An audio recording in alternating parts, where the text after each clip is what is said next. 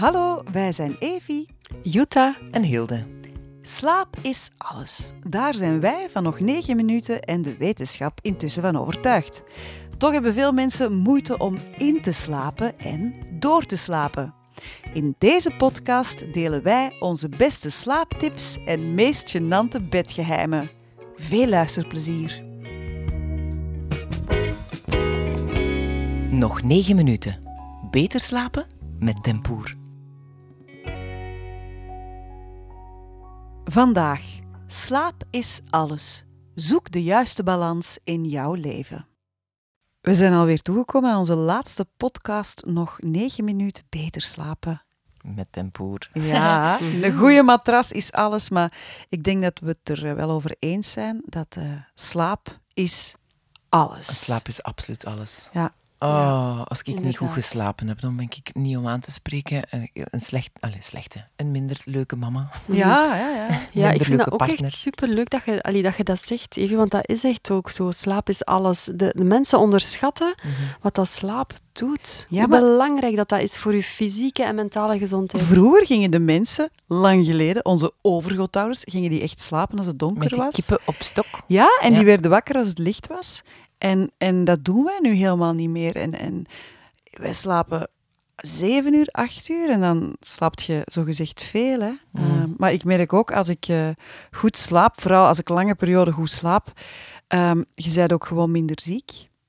En eh, je bent aangenamer. En wat ik ook merk, dat als ik dan eens niet zo goed slaap, dan Mhm. is dat helemaal niet erg. Vroeger dan was ik dan zo in paniek. Ik was elke nacht, telde ik de uren dat ik had geslapen of dat ik nog kon slapen. En nu als ik eens wakker lig, dan denk ik, ach ja, bon, dat overleven we wel. Ik zit niet meer aan mijn limiet. Ja, en dan kunnen we gewoon zo... Ik heb ook soms nog dat ik wakker word en dan denk ik, ik zet een meditatieknop van ons Mhm, absoluut. nog negen minuten. En dan vaak valt je gewoon dan in slaap. Hè. Maar eigenlijk is het de, deze podcast gaat vooral over levensstijl hè, en stressreductie. Oh, iedereen zit met zoveel stress tegenwoordig. Yep. Eh, mensen, jonge mensen. Ja, ik vind het zo- gek hoeveel... Ja, we, hebben natuurlijk wel allemaal een paar jaar op de teller, dat mogen we nu wel zeggen. We zijn ervaringsdeskundigen. We hebben heel slecht geslapen in ons leven. We doen dat nu veel beter. Vooral ook dankzij meditatie. Ik moet het echt zeggen, zoals dat is. En ehm, alleen, zonder de waarheid in pacht te willen hebben of zo. Ik heb heel veel eh, vriendinnen, ook jonge vriendinnen, die nu door zo'n moeilijke tijden gaan met jonge kinderen die niet slapen. Huilbaby's. Dat is ook een Oh. hele heftige periode. Ja, Hè? en die, die echt aan hun limiet zitten, die, die met burn-outs thuis zitten en zo. Dat ik denk, mannen, probeert gewoon even te mediteren. Probeert die negen minuutjes een keer. Het is, het is zo makkelijk om jezelf in slaap te wiegen met lieve woorden en een badje vol liefde.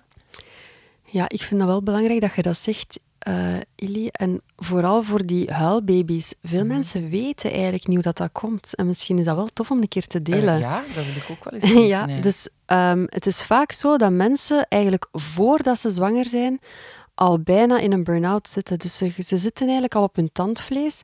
Dus lichamelijk gezien gaat uw cortisolspiegel, hè, dus als we spreken over ons endocrine systeem, uw cortisolspiegel daalt. Mhm. En wat gebeurt er? Je wordt zwanger en je hebt een heel prachtig wezentje binnenin u die ook cortisol aanmaakt. Dus als, als bijna moeder gaat je tijdens je zwangerschap gaat je, ehm, het cortisol nemen.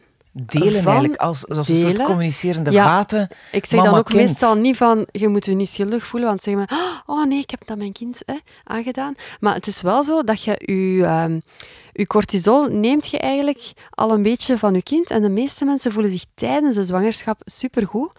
Er komt de bevalling en ze worden losgemaakt eigenlijk van die extra suppletie van cortisol. Het kind heeft eigenlijk al een beetje een tekort, dus we krijgen huilbaby's. En de mama's die komen in een soort van postnatale depressie, maar eigenlijk komen ze terug in die stresssituatie waarbij dat ze al een tekort hadden van cortisol. Ik, eh, ik ben geen dokter. Ik vind dit super enthousiast. Super inter- interessant. Ik denk wel dat er ook heel veel mensen het niet met u gaan eens zijn, Jutta. Dat ja, mag. want ik denk ook wel dat, dat heel veel mama's zich daar schuldig over voelen. Ah, Want ja. Dat als je een niet. huil bij baby hebt, Dat dan is nog uw schuld omdat nog uw jij schuld stress omdat had. jij- Ja. Maar, maar het is hebt. gewoon om het, mee, om het mee te delen, omdat veel mensen dat inderdaad zeggen, ah, is dat zo? Wat Eh. ik zelf wel met mijn baby's heb gemerkt, is dat ik had... eh, Scout was een heel gemakkelijke baby, Mak eigenlijk ook, maar ik was erg goed in het kalm blijven als mijn babytje het moeilijk had. Mhm. En ik, ik heb dat soms nog, als ik nu babytjes zie huilen en ik neem ze over, dan uh, ik maak mij niet druk. Ik heb mij nooit druk gemaakt als mijn Mhm. baby huilde. Ja. Ik dacht gewoon... babyfluisteraar. Ja, nee, maar ik dacht, ik, ik bleef daar kalm onder. En dat denk ik dat misschien wel iets is dat je als mama Mm. die stress Mhm. onbedoeld overgeeft. Want je houdt dat babytje in je armen en je Maar je denkt, bent zo moe als moeder. voilà. Ja, ik denk dat dat... Wat, Je dat- wat ik nu de, de, de je laatste beseft, tijd ehm, wel merk, en wij doen dat dan letterlijk, wij halen dan de baby's van vrienden gewoon in huis voor een nacht. En we zeggen dan, jullie gaan nu slapen. we reisberken al. Dat is een goede Brengt ze naar ons. En, en dan kun je alleen maar zeggen, mannetjes, we hebben deze ook meegemaakt. We snappen het maar al te goed. Ehm, het gaat voorbij. Het is een fase. Weet je? Probeer stilletjes aan terug uw slaap beetje bij beetje bij elkaar te sprokkelen Ja, en u en- weer goed te voelen. En ook, stress daar niet over, want je ga, dat, dat, het gaat echt over. Je Ja. gaat op een dag veel beter slapen en dan zijt je dat vergeten. Maar er is ook wel een taboe over kinderen die doorslapen. Ik had een heel nuchtere moeder die dat zei, kinderen slapen niet door. Maar je leest alleen maar van, vanaf zeven weken moeten ze doorslapen, of vanaf tien weken, of vanaf een jaar, of vanaf één jaar, of af twee jaar. Maar ja, je weet dat niet. Een kind kan evengoed op zijn drie jaar nog twee keer per nacht wakker worden. En Mhm. dat is ook normaal. Elk kind is anders. Hè. Dat is met puppies ook. Hè. Dat hebben we ook voor gehad. Oh, de puppies van Evie en Nee. Dat maar- zijn eigenlijk kleine, dat waren Dat kleine ook kindjes kleine baby's, erbij. daar, dan slaapt ze ook. De eerste Ja. twee weken moeten daar ook gaan bijslapen. Zwat, dat is natuurlijk wel ehm, voor moeders en, Ja. en, en voor mensen met puppies, maar gewoon uw eigen slaap. Ja, hoe merk je dat je niet genoeg slaapt? Ehm, ik denk dat dat vooral te maken heeft... eh, ja, gelijk dat, dat jij al zei ook van, oh, ik ben dan zo wat krikkel. En, Mhm. en Ili, ik heb En dat ook, honger. hè. Ik heb dan ook honger als ik een lange zo- tijd niet goed slaap. S morgens vroeg Merel kan ook zeggen, oei, eh, ja, je hebt niet goed geslapen zeker? En dan zeg ik van, oké, laat mij gewoon even met rust vandaag. Mhm. Als ik inderdaad veel te laat ben gaan slapen. Maar dat, dat Mijn heeft vader eigenlijk... zei toen altijd, pas op, ze is pas op. Dat vond ik altijd een goeie. Maar lichamelijk, Mhm. lichamelijk is zo dat je, je endocrine systeem, dat is En wat eigenlijk... is dat juist? Ja, dus dat, dat wou ik juist uitleggen. Dat is eigenlijk je hormonaal systeem. En dat gaat... Allee, dat, dat, is eigenlijk, dat zijn drie systemen. Hè. Dat is je, je hormonaal systeem is uw schildklier, uw bijnieren en uw eh, vrouwelijke en mannelijke organen die ook hormonen maken. En dat is eigenlijk, dat wordt wat aangetast als je heel veel stress hebt.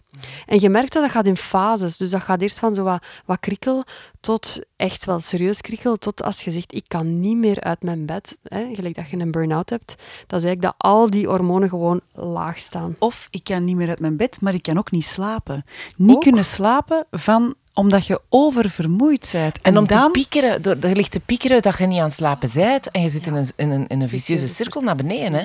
Maar piekeren is de verkeerde kant op fantaseren. Hè. Dat staat in ons boek. Hè. Dat staat in het boek. Ja. Ah, wel, een paar dagen geleden, ik kon niet slapen en ik dacht... Ik had ademhalingsoefeningen gedaan, ik was opgestaan, ik had een boekje gelezen, niks hielp, want wij zijn ook maar mensen. Hè. Soms lig je gewoon wakker. En toen dacht ik, in plaats van te piekeren, ik ga eh, nieuwe plannen maken en ik ga over een paar maanden verhuizen. Dus ik ben gewoon mijn huis beginnen in te richten in gedachten.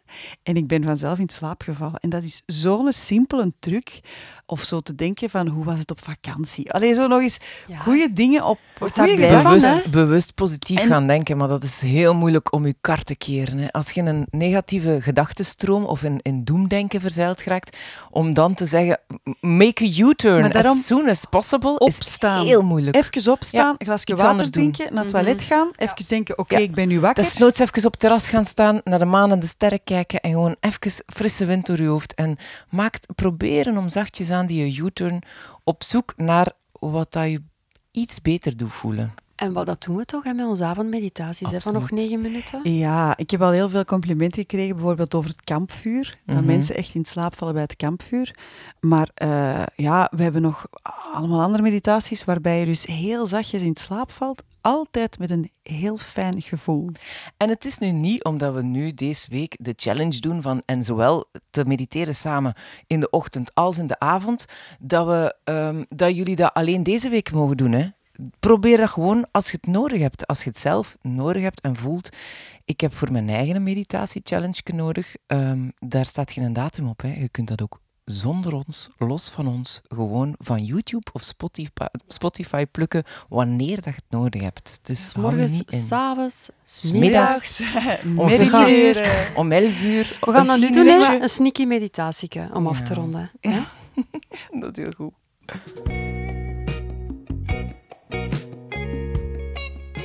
Oké, even samengevat.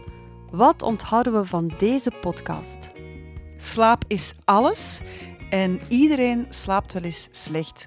Niet panikeren. Niet Dat panikeren. gaat want over. Alles is een fase, voilà. En ehm, wat vind ik nog heel belangrijk? Ja, gewoon mediteren. Probeert het. We hebben nu de slaap- en snoes-meditatie-challenge met Tempoer gedaan. Maar als die nu voorbij is na deze week, eh, hou je niet in. Doe gewoon verder. Just het do it. absoluut geen kwaad, in tegendeel. Slaap lekker. Slaap lekker. Slaap wel.